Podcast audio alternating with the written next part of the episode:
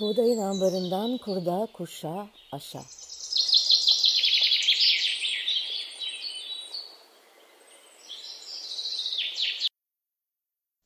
Merhaba, ben Buğday Derneği'nden Lale Han. Buğdayın ambarından kurda, kuşa, aşa podcast serimizin üçüncüsünde Neslihan Şimşek'le beraberiz. Hoş geldin Neslihan. Merhaba, hoş buldum. Neslihan Ziraat Yüksek Mühendisi 2009-2011 yılları arasında Buğday'ın Ekolojik Pazarlar Projesi'nde birlikte çalıştık. Hepimizin çok şey öğrendiği yıllardı. Hem çiftçiden, hem pazardan, hem de birbirimizden. Tam o yıllarda Neslihan Buğday'a gönül verdi. Derneğimiz Buğday'a değil, o her zaman Buğday'ın gönüllüsüydü. Bu sefer Buğday'ın kendisine hem de atalık buğdaylara gönül verdi. Öyle ki Neslihan bugün atalık buğdaylar konusunda bir uzman. İlgili kurum ve kuruluşlara danışmanlık veriyor. O zaman en baştan başlayalım. Neslihan anlat bakalım atalık buğday nedir? Evet, atalık buğdayı tanımlamadan önce belki de atalık tohumun ne olduğunu aktarmak gerekiyor. Çünkü e, buğdayın hikayesi de sonuç olarak bir tohumdan başlıyor. E, ve bu günümüzde de çok sıkça kullanılan e, kavramlardan bir tanesi atalık tohum veya ata tohum. E, bu ifade türlerin ataları olan e, türleri e, anlatıyor bize. E, belki buğday olarak pek çoğumuzun da duyduğu atalık tohum dediğimizde aklımıza ilk gelen türlerden bir tanesi siyez, bir tanesi İza, bir tanesi de e, çatal siyez. Bunlar eski türün başlangıcı olan e, türler ve buğday konusunda da e, hikaye siyezle başlıyor ve bunlar saf hatlar. E, siyezin on binlerce yıldır ekildiğini e, günümüze geliş sürecinin de 10 bin yıllık bir e, mirası e, getirdiğini biliyoruz. E, bu anlamda da e, atılık tohum dediğimizde türlerin başlangıcı olan e, çok uzun sürelerdir ekilerek günümüze gelen e, tohumlar olarak ifade edebiliriz. Peki birkaç tanesinin ismini geçtin. Türkiye coğrafyasında var olan atılık buğday türlerini e, yani elimizdekileri sıralar mısın? Üçünü zaten anlattın. Daha fazla var mı? Evet. Şimdi Anadolu coğrafyası e, buğdayın e, ana vatanı. Yani buğday dediğimiz zaman buğdayın kültüre e, alınıp evrimleştiği yer e, bereketli hilal olarak da e, bizim sınırlarımızın içinde bu, bulunan Mezopotamya'dan çıkıyor. O yüzden diyoruz ki bu hikaye Siyez'le başlar ve bunun işte 10 bin yıllık bir e, geçmişi vardır. Ve tabii ki 10 bin yıl dediğimiz zaman böyle hani dünden bugüne, bugünden yarına gibi böyle çok kısa süreli e, bir zamansal olgudan bahsetmiyoruz.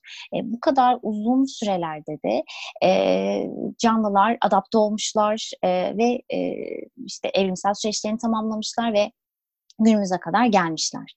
E, bu noktada da bir cennetin içerisindeyiz e, Türkiye'de. E, çok fazla buğday çeşidimiz var. Çok fazla atalık buğday çeşidimiz var. E, bu anlamda güzel kaynaklar var yapılanda. E, ve e, FAO'nun e, en son hani tanımladığı e, 2009-2014 yılları arasında Türkiye'deki buğday çeşitlerine dönük e, yapılan çalışmada e, tanımlanan popüler buğdaylar var. E, bunlardan bir tanesi zerun buğdayı, bir tanesi siyez, kara kılçık, e, kavılca, e, sarı buğday, e, akbaşak. Pek çok çeşit var aslında ve bunlar için önemli olan birazcık da yörelerine dönük e, olmaları. E, bu noktada da belki hemen aklımıza şu gelmelidir. E, yerel çeşit nedir?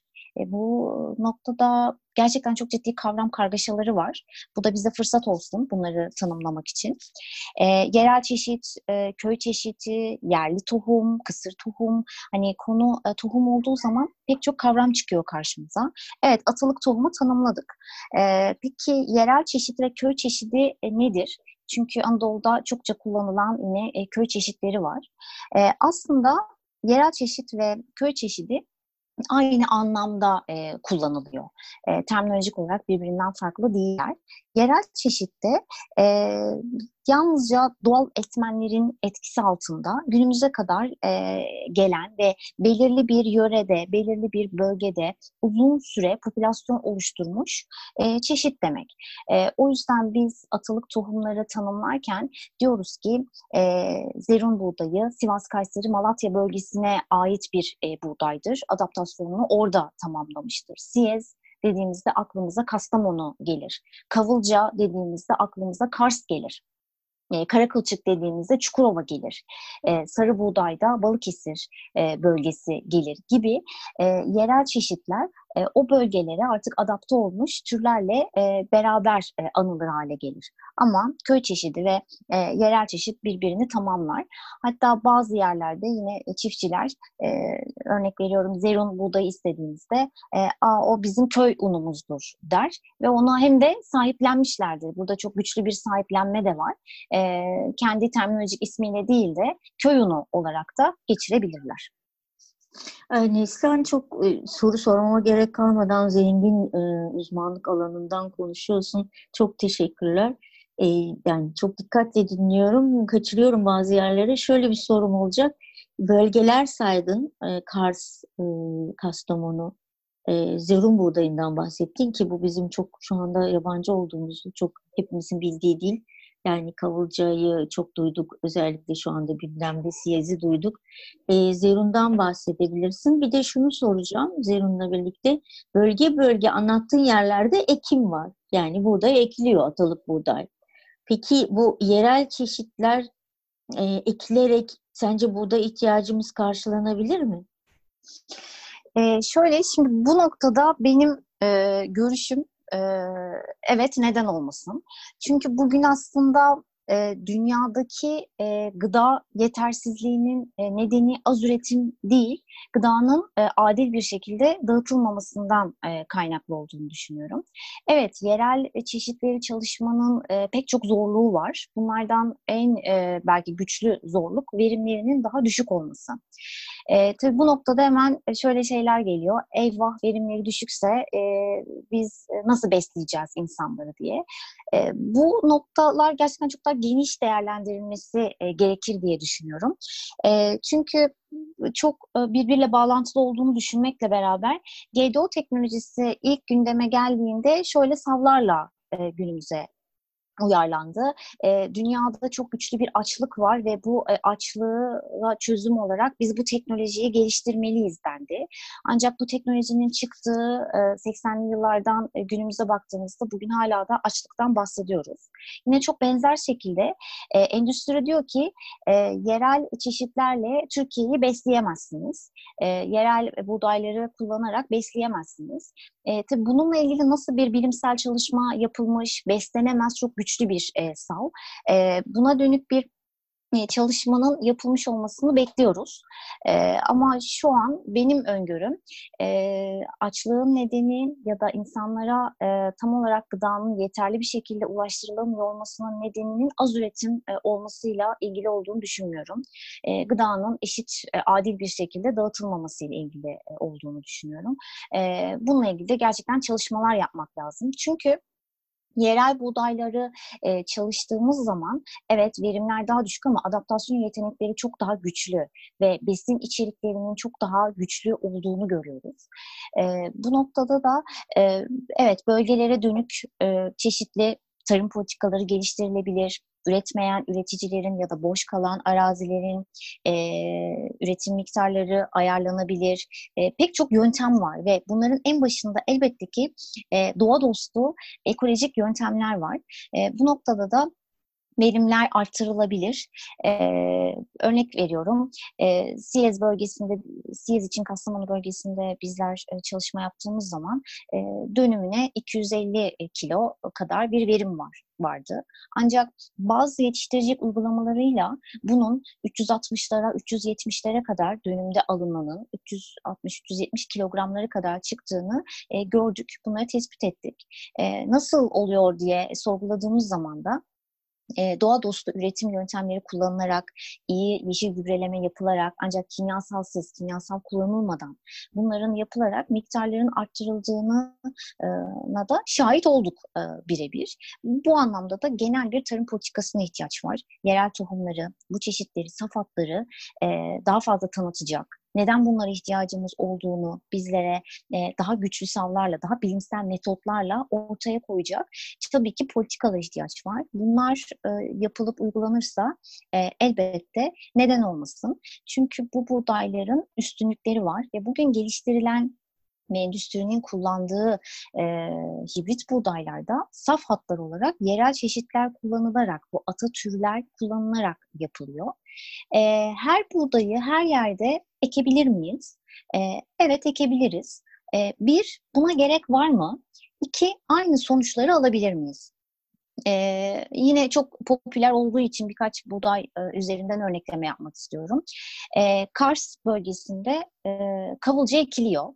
Evet, kavulcayı e, siz e, başka bölgelerde de ekebilirsiniz. Ancak Kars bölgesinde e, aldığınız dokuyu, tat, aromayı e, alamıyorsunuz.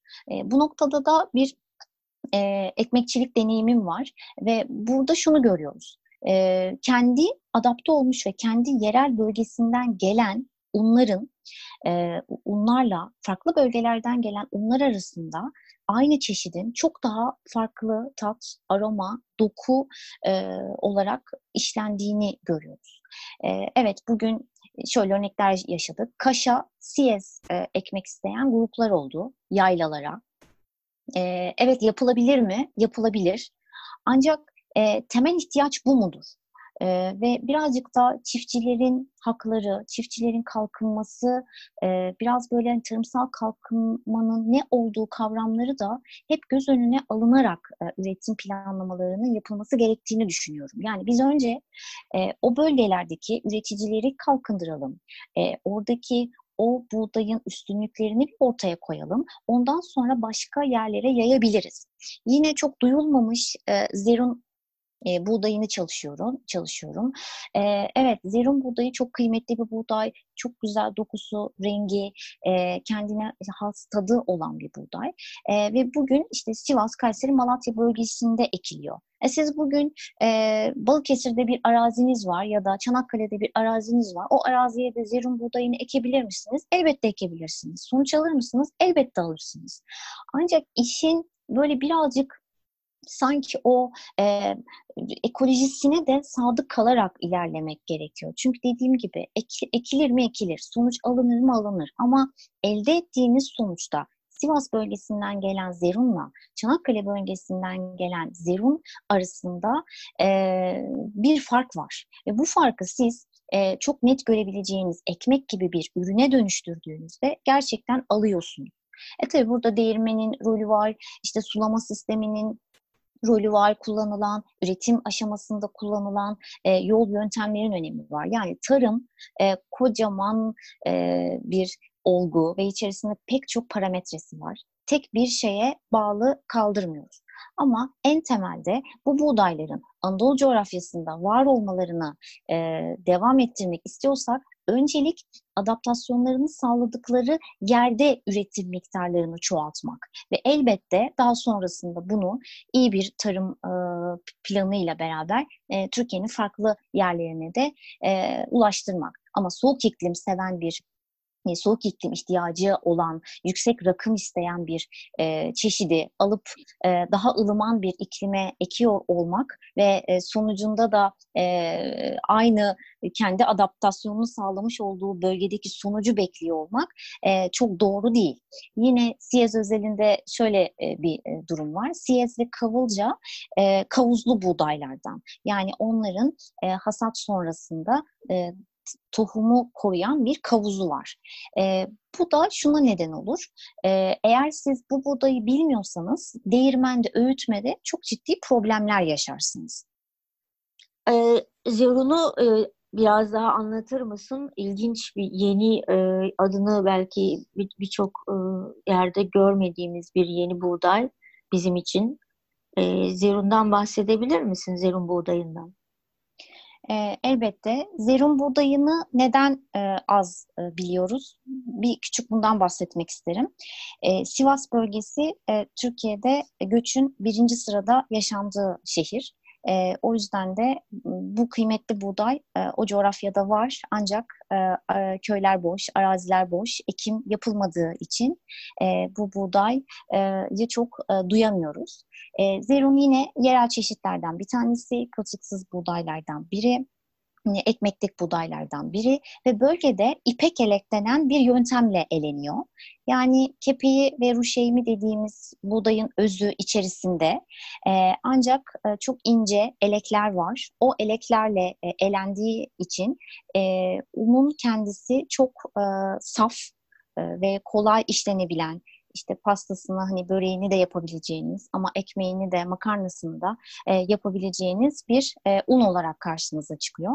E, bu anlamda da aslında çok e, tanıdıkça e, çok sevilen bir e, buğday. E, bu yöntem de e, ipek elek yöntemi olarak geçiyor. Bu da aslında geleneksel bir yöntem e, bölgede. E, bu ipek eleği kullanmadan da üretiliyor mu? Evet üretiliyor.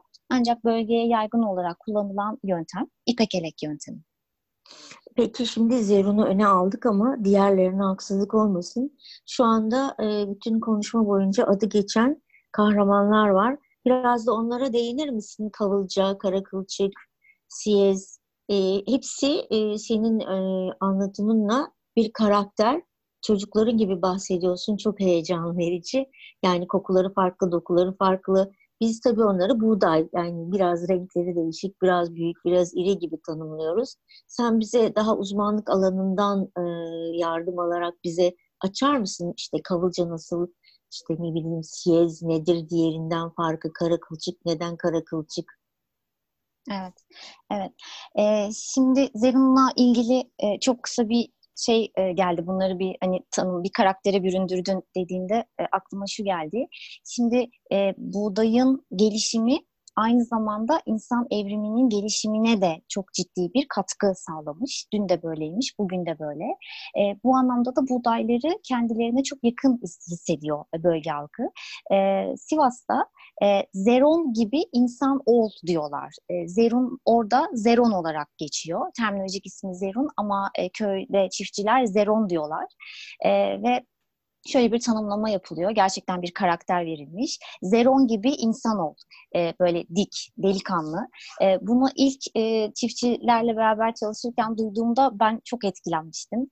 E, hem e, buğday e, gerçekten çok kıymetli hem de insanlar o kadar artık böyle hayatlarının bir parçası haline e, getirmişler ki ve muhtemelen e, daha belki sözlü tarih çalışmaları yapılsa çok çok daha güzel e, hikayeler çıkacak. Çünkü her birinin ismi birbirinden farklı farklı ve bunlar yöresel isimleri ve neden bu isimler verilmiş?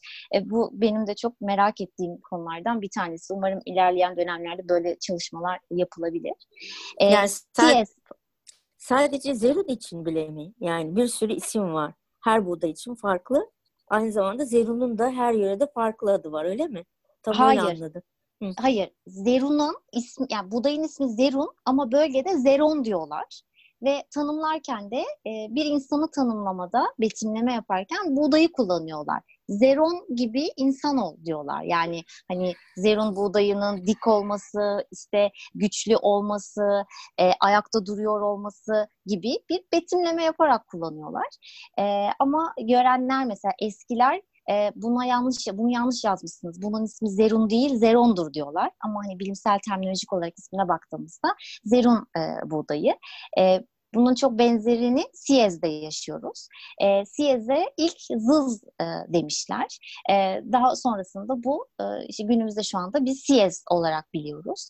E, ama e, bölgede e, kapçık diyorlar kapçık diyorlar. E, farklı e, isimler e, kullanabiliyorlar. Çatal siyez diyorlar. E, bu bu anlamda da her birinin kendisine dönük hani bölge anlamak için aslında bazı e, buğdayların özelliklerinden yola çıkarak anlamak için, ayırt etmek için e, böyle belirli farklılıklar e, vermişler. E, siyez işte e, kavuzlu buğdaylardan bir tanesi ve ilk dediğim gibi hikayenin başladığı buğday. E, Siyez denildiğinde yine akla ilk gelen şeylerden bir tanesi şu gluten e, mevzusu. Ona belki birazcık daha sonrasında değiniriz. Evet, e, bu, lütfen. Bu, aha, bu e, buğdayların e, işte kendilerine has tabii ki farklılıkları var. E, bunlardan mesela Siyez'in düşük e, gluteni var, e, düşük glisemik indeksi var. Bunlar diğerlerinden ayıran e, özellikleri aktarmaya çalışıyorum size e, şu anda. E, lütein e, miktarları yüksek, yani antioksidan miktarlarınca zengin, vitaminler e, olarak e, çok daha e, zengin. E, Siyez'den sonra da bir kavulca geliyor. Kavulca da e, kavuzlu buğdaylardan bir tanesi. E, ka, kavulca dediğimiz zaman da aklımıza direkt hani Kars'ın kavulcası olarak geliyor. Kastamonu'da da ekiliyor e, kavulca. Hatta kavulcaya çatal siyez diyorlar. Çatal siyez de, deniyor olmasının nedeni de şu. E, hani bir başakta e, siyezde tek bir e, kavuzun içerisinde tek bir tane var. Hatta o yüzden Latince ismini de Triticum monococcum olarak almıştır. Mono Latince bir demek. E, kavulcaya baktığımız zaman bir kavuzun içerisinde iki tane tohum var. O yüzden Latince e, ismini de Triticum dicoccum olarak almıştır. Di de iki demek. Bunu aslında böyle hani araziye gittiğimiz zaman, başaklara baktığımız zaman o kadar net o ayrımları e, görebiliyorsunuz. Bu da bu işin aslında birazcık keyfi ve bence e, büyüsü tabii ki bizim hocalarımız çok çok daha hani yıllarını e, buğdaya adamış çok kıymetli hocalar var. E, onlar e, direkt araziye uzaktan baktıkları zaman bile hani buğdayların arasındaki farkı görebiliyorlar. Belki uzaktan bakıldığında en net e, fark farkı görebileceğimiz ve ne olduğunu anlayabileceğimiz buğdaylardan bir tanesi kara kılçık. E, çünkü e, kara kılçık adını e, kılçıklarının karalığından alıyor. Ve e, Türkiye coğrafyasında nereye giderseniz gidin kara kılçığın adı hiç değişmiyor. E, nerede ekilirse ve nerede görürseniz görün hani o isim, o kara kılçık ismi hiç değişmiyor. Ama yani diğerleri farklı isimler alıyor. Hatta Kavılca'nın e, Kastamonu'da Kavılca'ya Garıklı e, dendiğini çok yeni öğrendim ben de. Ee, bir e, ürün gördüm garıklı un deniyor. Hani e, baktım ve bu nedir garıklı? Hiç daha önce duymadığım bir şey. Sonrasında üreticisiyle konuştuğum zaman hani biz kavılcaya garıklı diyoruz. O yüzden de garıklı e, olarak e, işte bunu unu, ununa da garıklı unu olarak tanımladık deniyor. E, bazı buğdayların da e, değirmenden sonraki halleri farklı oluyor. Yani mesela e, kızılca ya baktığınızda değirmenden e, aldığınızda öğüttüğünüzde e, renginin daha e, kırmızı olduğunu görüyorsunuz. Sarı buğdayı e, böyle öğüttüğünüzde ve örnekse ekmek yaptığınızda daha sarım, sarımtırak bir renk olduğunu görüyorsunuz. Yani bu e, çalıştığınız hani buğdaya göre, buğday çeşidine göre ve onu nasıl çalıştığınıza göre e, değişiyor. Ben tabii ki bütün buğdaylar hakkında e, bilgi sahibi değilim ama çalıştığım e, buğdaylardan e, CS, kavulca, karakılçık, e, zerun, e, sarı buğdayı bu şekilde paylaşabilirim. Ne kadar zengin bir bilgi. Düşünsene küçücük bir buğday tanesinden kocaman bir dünya. Renkleri var, kokuları var, dokuları var. Hepsinin adı var. Hepsinin Anadolu coğrafyasında bir insana e, benzetilecek kadar karakteri var. Yani bu zenginlik herhalde dünyanın en güzel yanı.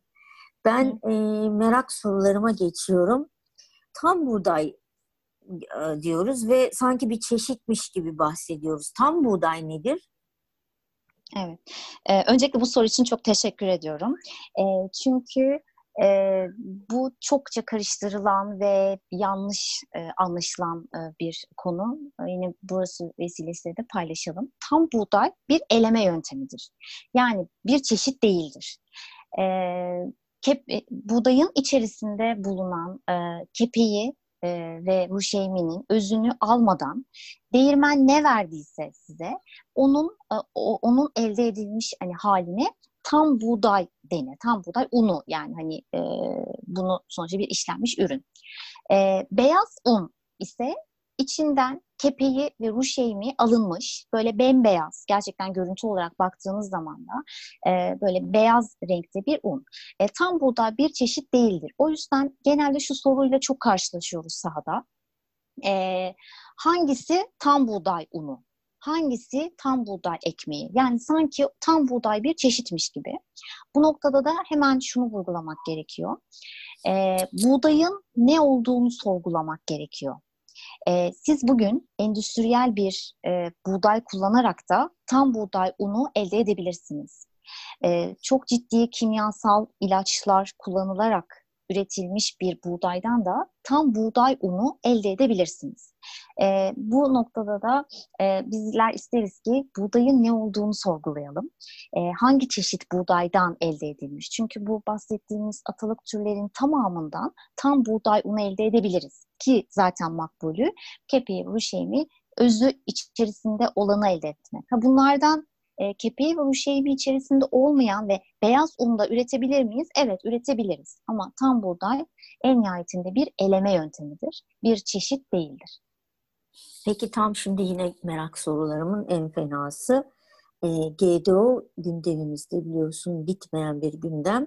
Buğdayda GDO'dan e, yani buğday GDO ilişkisinden bahsedebilir misin? Tabii. Önce çok kısa GDO ne onu e, tanımlamak isterim. Evet, GDO açılımı genetiği değiştirilmiş organizma e, demek. Bu şu, e, türler arasında gen aktarımının e, yapıldığı e, ve sonunda da bir çeşidin hani, elde edildiği bir e, teknoloji. E, bu noktada türler arasında yapılıyor olması e, noktası önemli. Sizin e, izole etmek istediğiniz bir gen var. Onu e, istediğiniz bir e, canlıdan izole ediyorsunuz ve aktarmak istediğiniz bir e, yine canlıya aktarıyorsunuz. Biraz somutlamak isterim bunu. E, buğdaydan somutlayamayacağım. E, çünkü şu anda e, buğdayda hani bağımsız araştırmalar noktasında belki çalışılan GDO vardır. Hani GDO'lu buğday vardır. Bağımsız bir e, laboratuvar araştırması olarak. Ancak ticari olarak piyasaya sürülmüş, e, sunulmuş ekiminin e, dikim yapıldığı, hasatının yapıldığı bir buğday yok. Yani bugün buğdayda GDO'dan bahsetmiyoruz. Ama dediğim gibi bu şu demek değil e, bilimsel olarak bu çalışılmıyor e, ya da yarın çalışılmayacak demek değil ama e, bugün çalışılmıyor. O yüzden GDO'lu e, buğdaydan bahsetmiyoruz bugün. Ama şu örneği vermek isterim konuyu tamamlamak açısından. Mısır'dan örnek e, vereceğim. Mısır'da e, Mısır kurdu çok ciddi bir e, zararlıdır ve Mısır'ı perişan eder. E, bunun için şöyle bir çalışma var. Bacillus thuringiensis diye bir bakteri var. Toprak kökenli bir bakteri. Buna kısaca BT denir. E, BT'yi siz preparat olarak yani bir e, mısır e, işte tarlanıza serpip e, böyle bir biyolojik ilaç gibi kullanabilirsiniz. E, ama GDO teknolojisi bunu şöyle yapıyor.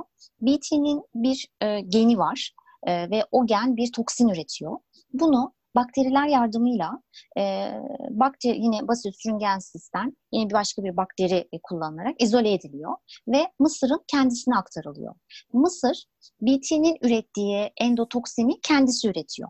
E, ve mısır kurdu. Mısırı yediği zaman e, bu üretilmiş olan toksinden kaynaklı zehirleniyor ve ölüyor.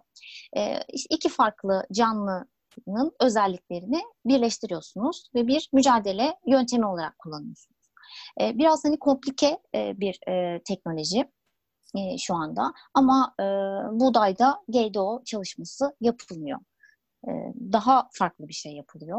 Bugün buğdayda belki sorulardan biri olacaktır. Hibrit buğdaylar üretiliyor. Evet sorularımdan biri de buydu. Ee, şöyle çok kafa karışıklığı var. Özellikle buğday konusunda GDO, işte hibrit, biraz sonra e, geleceğim çok benim de çok ilgilendiğim gluten konusu. Hibrit e, tanımıyla yani buğdayda nasıl gündeme geliyor? Yani hibrit tohum, hibrit buğday yani bunların tanımlarını da yaparsan çok sevinirim. Hı hı. Biraz rahatlayalım. Karış, evet. Karışık her şey. Evet. Şöyle şimdi bir defa hibrit e, bir ürünle GDO'lu ürün asla aynı değil. Önce hani kafamızdan hibrit teknolojisinin başka bir e, teknoloji olduğunu, GDO teknolojisinin başka bir teknoloji olduğunu, ikisi birbirinin e, aynısı değil, yerine konulacak bir şey değil. İki farklı teknolojik çalışma. Hibrit teknolojisi aslında hibrit dediğimiz şey melezleme. Yani doğada kendiliğinden de var olan ve e, aynı çeşit arasında e, tozlanma sonucunda ortaya e, çıkan bitkilere melez e, diyoruz. Yani bu e, insan eliyle olmak zorunda değil. E, yine çok gün, yani günlük bir örnek. E, küçük bir bahçeniz var. E, bir tarafına acı biber ektiniz o bahçenin. Hemen işte yan tarafına tatlı biber ektiniz. E, bir sonraki sene işte aldığınız tohumlarda e, biraz e, tatlı olan da biraz acılık olabilir. Bu doğada kendiliğinden var olan melezlenme, e, bir tozlanmadır. Ama bugün günümüzde bu nasıl uygulanıyor? E, bu bir teknoloji olarak uygulanıyor. E, en iyi özelliklere sahip olan anneyle işte yani en iyi özelliklerdeki babanın iki aynı türe ait en iyi anne ve en iyi baba seçiliyor. E, bunlar e, laboratuvar ortamında da olabilir, sahada da olabilir. E, tozlanıyorlar ve sonucunda yeni bir çeşit elde ediliyor. E, ve bu çeşide hibrit çeşit deniyor. Yine belki çokça e, halk arasında da duyulan F1 çeşidi olarak geçen bir çeşit. Bu dediğim gibi konu hibrit olduğunda e, aklımıza gelecek ki bu ya laboratuvar ortamında ya sahada insan eliyle doğada kendiliğinden var olan değil, doğada kendiliğinden var olana melez diyor. Ama hibrit tohum dediğimizde en iyi özellikteki anne ile en iyi özellikteki babanın seçildiği, bunların çaprazlanması sonucunda yeni bir çeşidin elde edildiği e, duruma hibrit diyoruz. Ve bu genelde dediğim gibi F1 tohumu olarak bilinir. E, siz hibrit bir çeşitten e, tekrar ekim yaptığınızda e, bu hibrit çeşit yeni bir çeşit saf bir hat olmadığı için kazandığı özelliklerini kaybeder ya annesine ya babasına geri döner. E, bu yüzden de hep hibrit çeşitleri kısır tohum olduğu söylenir. Yani F1 kısır tohum denir. F1 denilen yani bu hibritler kısır tohum değildir. Yine ekildikleri zaman e, çimlenme olur, e, işte meyve verir. E, ancak kazandığı özellikleri kaybettiği için bizim ilk sene ektiğimiz e, özellikleri vermez. Bu da ne yapar? Bizi her sene o istediğimiz özelliklere sahip olacağımız buğdayı e, ya da işte o tohumu çalıştığımız ürün çeşidi neyse o tohumu almak için bizi tohum şirketlerine yöneltir. Ancak evet bugün e, buğdayda hibrit e, teknolojisi çalışıyor. Hibrit pek çok buğday çeşidi var. Ancak atalık türlerde durum böyle değildir. E, atalık türlerde siz ekersiniz, e, bir kısmını değirmende öğütürsünüz, bir kısmını da bir sonraki senenin tohumluğu olarak ayırırsınız ve ona ekersiniz. Ha, o kadar etkilenmiş bir şekilde dinliyorum ki yani e, soru e, sormuyorum çünkü e, tüm sorularıyla cevaplarıyla anlatıyorsun.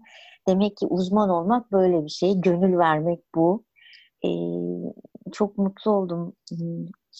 Mesela ne diyeceğimi bilemiyorum. Galiba hmm. e, içime sinmeyen, sorduğumda da hep rahatsızlık duyduğum, yani adını da sevmediğim şu gluten konusuna gelelim mi?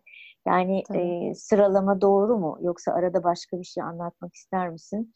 Ben glutene evet. takık bir vaziyetteyim. Yani şöyle bir e, açılım yapayım. Yani gluten intolerans, gluten zararlı, gluten şöyle aman işte ben yemiyorum sen yiyorsun bir e, hibrit tohum gibi, GDO gibi, e, tam buğday gibi bu da çok büyük bir kavram. Kim bilir nelerle doludur.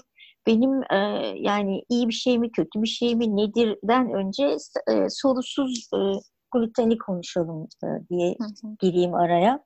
Biraz bu konu evet. herhalde senin de çok çalıştığın bir konu. Bize glutenden bahseder misin? İyisiyle kötüsüyle. Elbette. Gluten e, tahıllarda bulunan yani işte buğdayda, arpada, çavdarda e, bulunan e, bir protein. E, gliadin ve glutenin denen iki e, hani e, molekülün molekülden oluşan e, bir protein. En nihayetinde gluten bir protein. Şimdi atalık türlerde yani gluteni şöyle incelemek gerektiğini düşünüyorum. Atalık türlerdeki glutenle e, işte bu bahsettiğimiz e, endüstriyel e, buğdaydaki e, gluten birbirinden kesinlikle çok farklı. E, atalık türlerdeki glutenler e, çok rahat hani parçalanabilen e, gluten. E, ancak işte bugün endüstri e, gluten oranı çok yüksek e, buğdaylar da üretmiş e, durumda. E, şimdi korkulması gereken bir şey mi? Bu biraz e, göreceli. Çünkü evet dediğin gibi şu an bize glutenin çok e, kötü olduğu e, noktası pompalanıyor. Bu noktada da biraz belki dünya glutene nasıl bakıyor onu paylaşmak gerekiyor. Bu yapılan Amerika'da gluten sektörünün yüzde 136'lık bir artışı olduğunu biliyoruz. E, ve 2016 yılında 15.5 milyar dolarlık bir pazar e, var. Glutensiz diyet pazarı. Bu çok büyük bir pazar. Şimdi bu kadar %136'lık artışların olduğu, bu kadar büyümüş bir pazarın olduğu bir sistemde şu beklenir. Yani hani çok sıradan, gluteni bile hiç bilmeyen biri olarak şu soruyu sormak gerekir. Bu kadar büyüyen bir pazar varsa ve bu kadar büyük bir artış varsa o zaman herkesin glutene karşı bir toleransının e, olduğundan bahsetmemiz gerekiyor. Ya da glutenle ilgili vaka sayısının çok yüksek olduğundan bahsetmek gerekiyor ki yani herkes ya da toplumun çok büyük bir kısmı glutenle ilgili bir şikayeti var ve gluten toleransı var. E, o yüzden de e, buna dönük glutensiz gıdalar üretiliyor yu beklemek gerekiyor.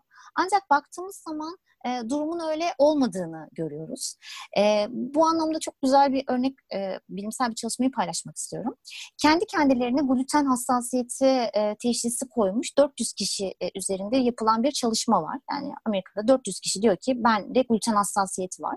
E, ve e, bunun üzerine hastaneye başvurduklarında bu e, 400 kişinin sadece 55'inde yani yüzde 14,5 gibi çok az bir aslında rakamında glutene karşı bir duyarlılık olduğu görülüyor. E, bundan da 26 kişi işte çöl yakmış, 2 kişi de gluten alerjisi varmış, 27 kişi de, kişiye de glutene bağlı bir duyarlılık varmış. Şimdi acaba e, gluten bize e, şu an dayatılan e, yeni bir akım moda mı? E, glutensiz beslenmek aslında bir e, moda mı? Yani hepimizin glutene karşı böyle bir e, hassasiyeti mi var? Bu, bu soruları sormak gerekiyor. E, ben durumun böyle olduğunu düşünmüyorum. Şu anda e, karnında bir şişkinlik hisseden e, pek çok kişi kendi kendine evet bu tanıyı koyuyor. E, ve e, glutenle ilgili bir sıkıntısı olduğunu söylüyor. Elbette bu şu demek değil. Çölyak denen bir otoimmün rahatsızlık var e, ve gluten noktasında gerçekten duyarlılığı olan insanlar var. Hani bu bunlar var ve bunların e, vakalar var bununla ilgili. Ancak bize pompalandığı kadar fazla değil. Ve çölyak hastalığının bugün toplumumuzdaki bakıldığında oranı yüzde bir, buğday alerjisi oranı yüzde 0.1, çölyak dışı gluten duyarlılığında yüzde 0.63, bir bile olmadığını görüyoruz. Yani bu rakamlar çok düşük. O yüzden hepimizde bir glutensiz diyet e, yapma isteği var hatta herkes yapıyor ben niye yapmıyorum e, gibi bir durum var. E, ve biz e, bu, bu noktada biraz bu işin pompalandığını e, düşünüyoruz. Bilimsel taraftan bu işi inceleyenler e, olarak. E, çünkü dediğim gibi 2013 ve 2015 yılları arasında gluten free endüstrisi yani glutensiz endüstrisinin %136'lık büyümesi var. Bu çok ciddi bir büyüme. Konuya biraz bu işin pazarlaması e, açısından e, bakmak gerekiyor e, değerlendirirken. E, atalık tohumlar açısından baktığımızda da çok daha basit parçalanan e, bir molekül olarak görüyoruz gluteni e, ve e, pek çoğunda çok daha düşük gluten var. Bu gluten farkını çok net ekmek yaparken görebiliyoruz. Çünkü işte e, ekmeğin daha kabarması, daha hacimli e, olması noktasında glutenin e, güçlü bir etkisi var. Biz hep şunu merak ediyorduk. Bu işte ekşi mayayla yapılan e, ekmeklerin gluteni yok ettiğine dönük bazı işte ifadeler duyuyorduk. Biz bunun bilimsel olarak çalışmak istedik. Ve yaptığımız çalışmalar sonucunda Siyez'le ilgili böyle bir çalışma yaptık. Yani Siyez buğdayının kendisindeki gluten miktarına baktık ve e, Siyez unundan yapılmış bir ekmeğin gluten miktarına baktık. E, arasında bir fark var mı ya da gluten sıfır mı çıkacak diye. Hiç öyle bir şeyler olmadı. E, Siyez buğdayının içerisindeki yani unun e, içerisindeki e, çok e, düzeltiyorum. Siyez buğdayının içerisindeki gluten miktarıyla ekmeğin içerisindeki gluten miktarı çok birbirinin aynısı çıktı. Bu noktada tabii ki şu e, şu şekilde yorum, yorumladık bizler.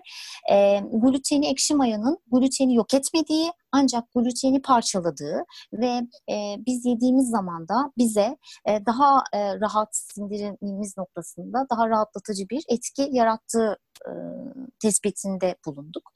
E, tabii ki şöyle bir çalışma yapmayı çok istiyorum. Bu da benim e, ileriye dönük yapmak yapmayı çok istediğim e, bir e, çalışma.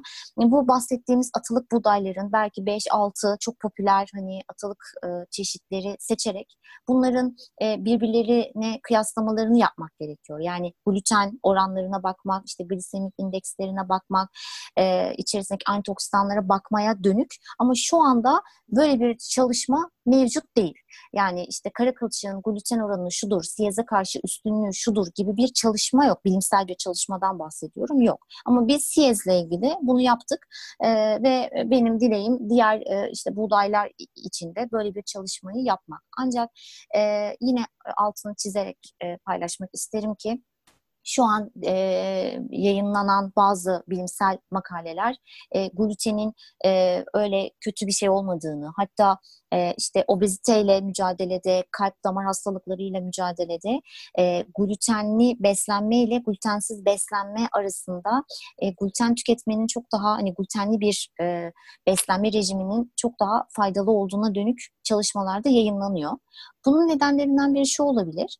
Glutensiz bir e, gıda tüketmek istediğinizde ne tüketeceksiniz? Yani gluteni sadece ben ekmek yemiyorum ve glutensiz besleniyorum olarak düşünmemek gerekiyor.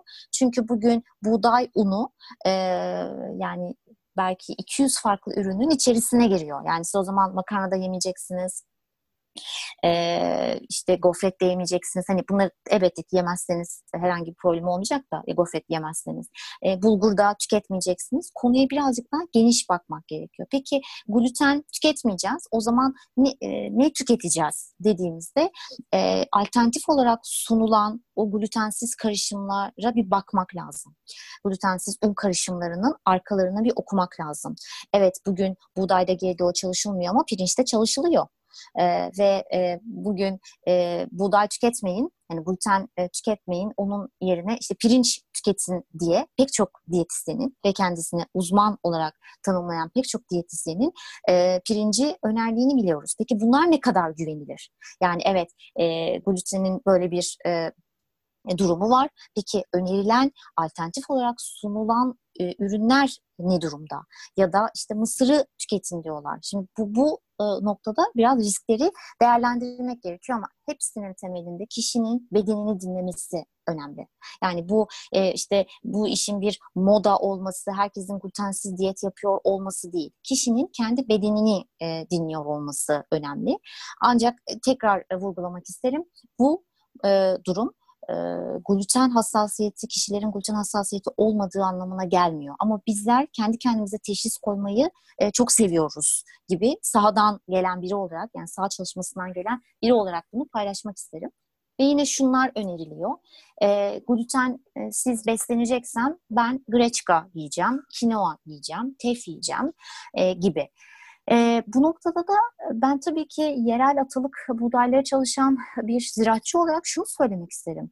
E, biz neden kendi coğrafyamıza ait bir türü e, tüketmek varken e, işte Peru'nun, Moğolistan'ın, e, işte Kazakistan'ın hani o bölgelerin böyle hani farklı bölgelerden gelen ürünleri neden tüketmek zorundayım ki?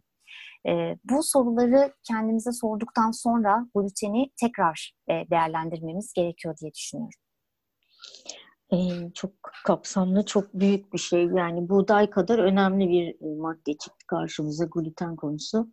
Ee, Neslihan, ben e, ekşi maya geçti tabii ki bütün e, şu anda popüler kelimeler gluten, GDO derken birdenbire ekşi maya ile karşılaştık tam buğday. Bütün bu kelimeler buğdayın e, altında sıralanan, e, ilgi çeken ve onlara bağlı olarak bir şekilde e, gündeme gelen e, kelimeler, kavramlar birdenbire hayatımızda ne bileyim belki 2-3 yıldır ekşi maya var.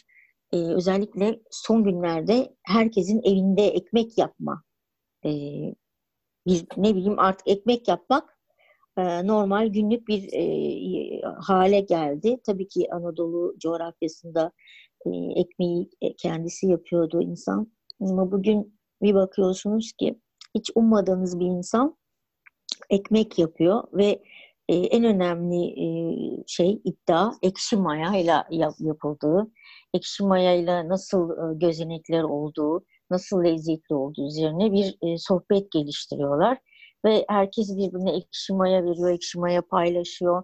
Yani bir e, ekşi dünyamız var. E, bu ekşi maya evde yapılır mı? Ekşi maya nedir? ekşi mayalı ekmeğin bakkalda satılan ekmekten farkı nedir? İyi bir ekmek yapmak için ekşi mayayı nasıl kullanacağız? Böyle bir sürü şey. Bu da ayrı bir e, belki podcast konusu ama ben senden kısaca bir de ekşi mayadan e, çok e, şey e, ne bileyim toparlanarak bir bilgi rica edeceğim. E, nedir ekşi maya? Evde yapılır mı? Ee, evet, e, e, ben e, ek, ekmekçi değilim.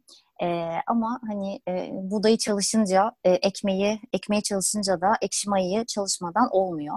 Ama uzmanlığım asla ekmekti. Çünkü o bambaşka bir zanaat. Bu işin içine girdiğim zaman e, öğrendim ben de. E, aslında şu ekşi maya. E, ekşi e, kelimesi nereden geldiğine bakmak gerekiyor diye düşünüyorum. Şimdi bu yani milattan önce 4000'lere kadar uzanan bir hikaye aslında.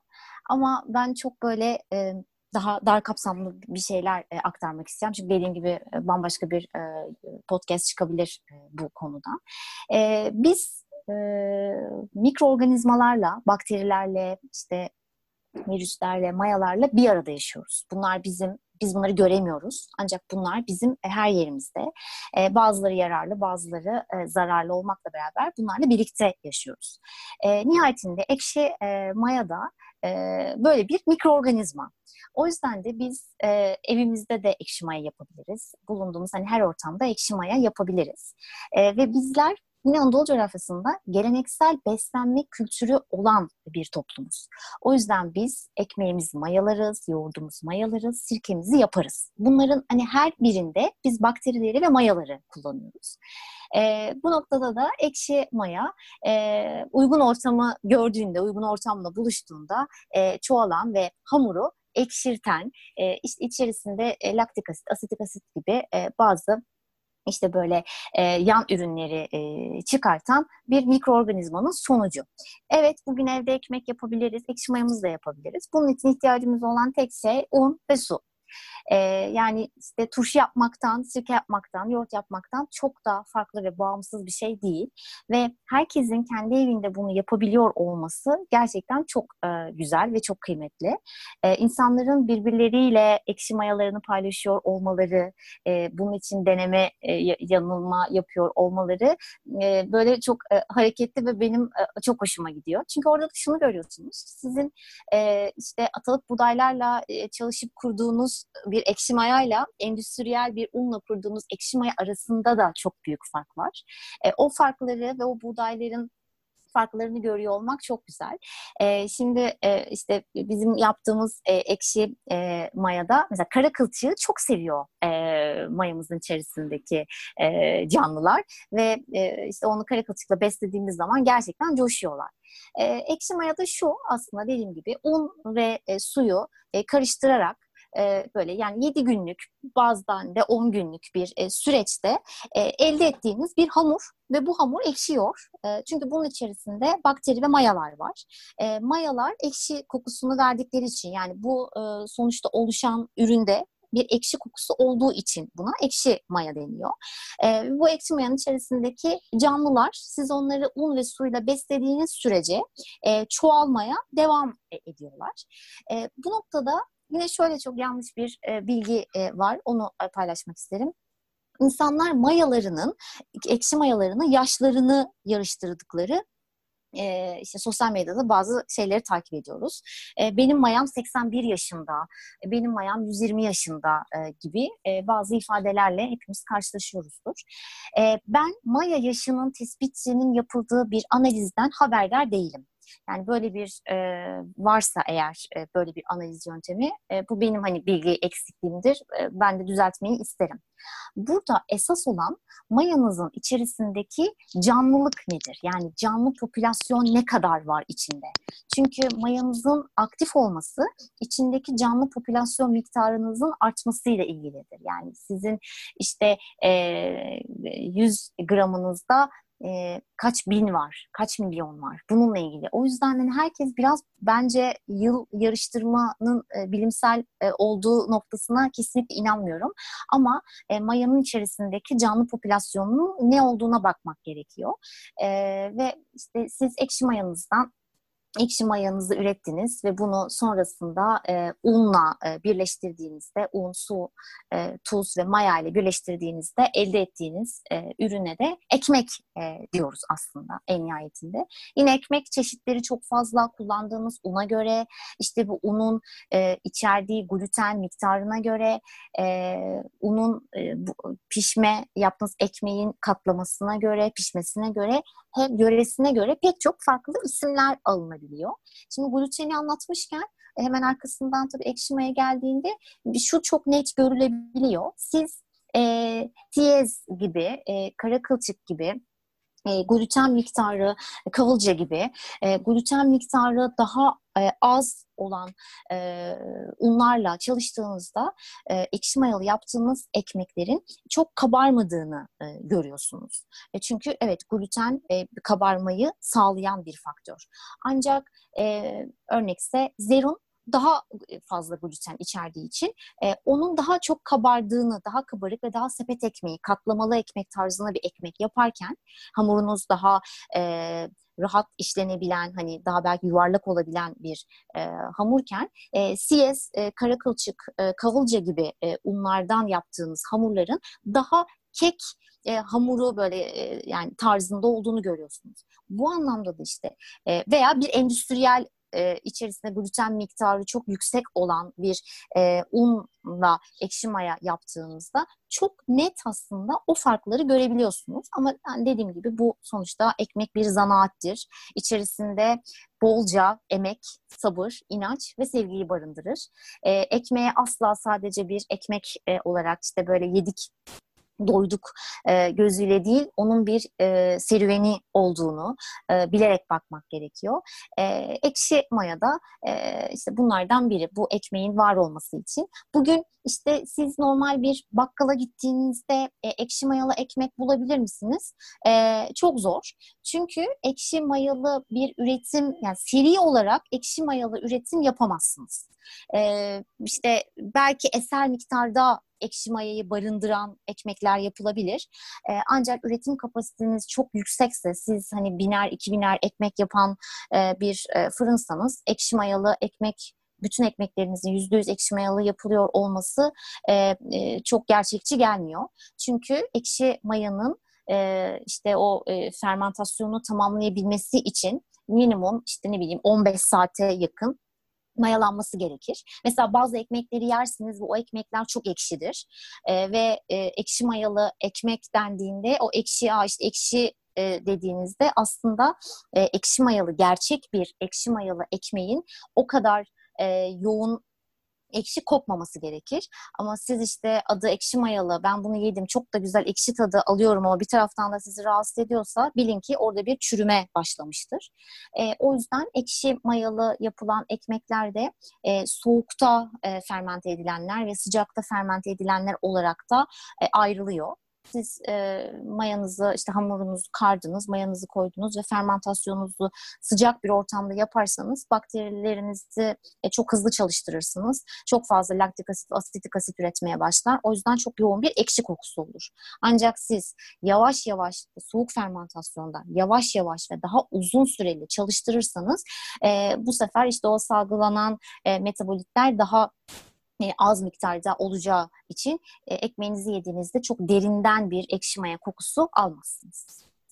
Neslihan uzmanlık e, denilen şey bu olmalı. Yani o kadar renkli, o kadar görsel e, ya, e, düşlendiren bir konuşmaydı ki benim aklımda tabii e, tohumla çok yakından ilgilendiğim için toprağa düşüşleri geldi. toprakta yeşermeleri geldi. Başakların içinin dolması, boyunlarını eğmesi, Amazon'un dimdik durması, onların e, Anadolu insanı tarafından insanlara benzetilmesi, karakteristikleri, kara kılçın kılçıkları siyah siyah, kara kılçık kara kılçık. E, bilmiyorum o kadar etkileyici ki onların o görsel hallerini düşlemek konuşmalarından. E, ben her zaman e, kurda kuşa aşağı bütün bu güzel tohumlar düşsün aklımıza, ruhumuza, toprağa diyorum.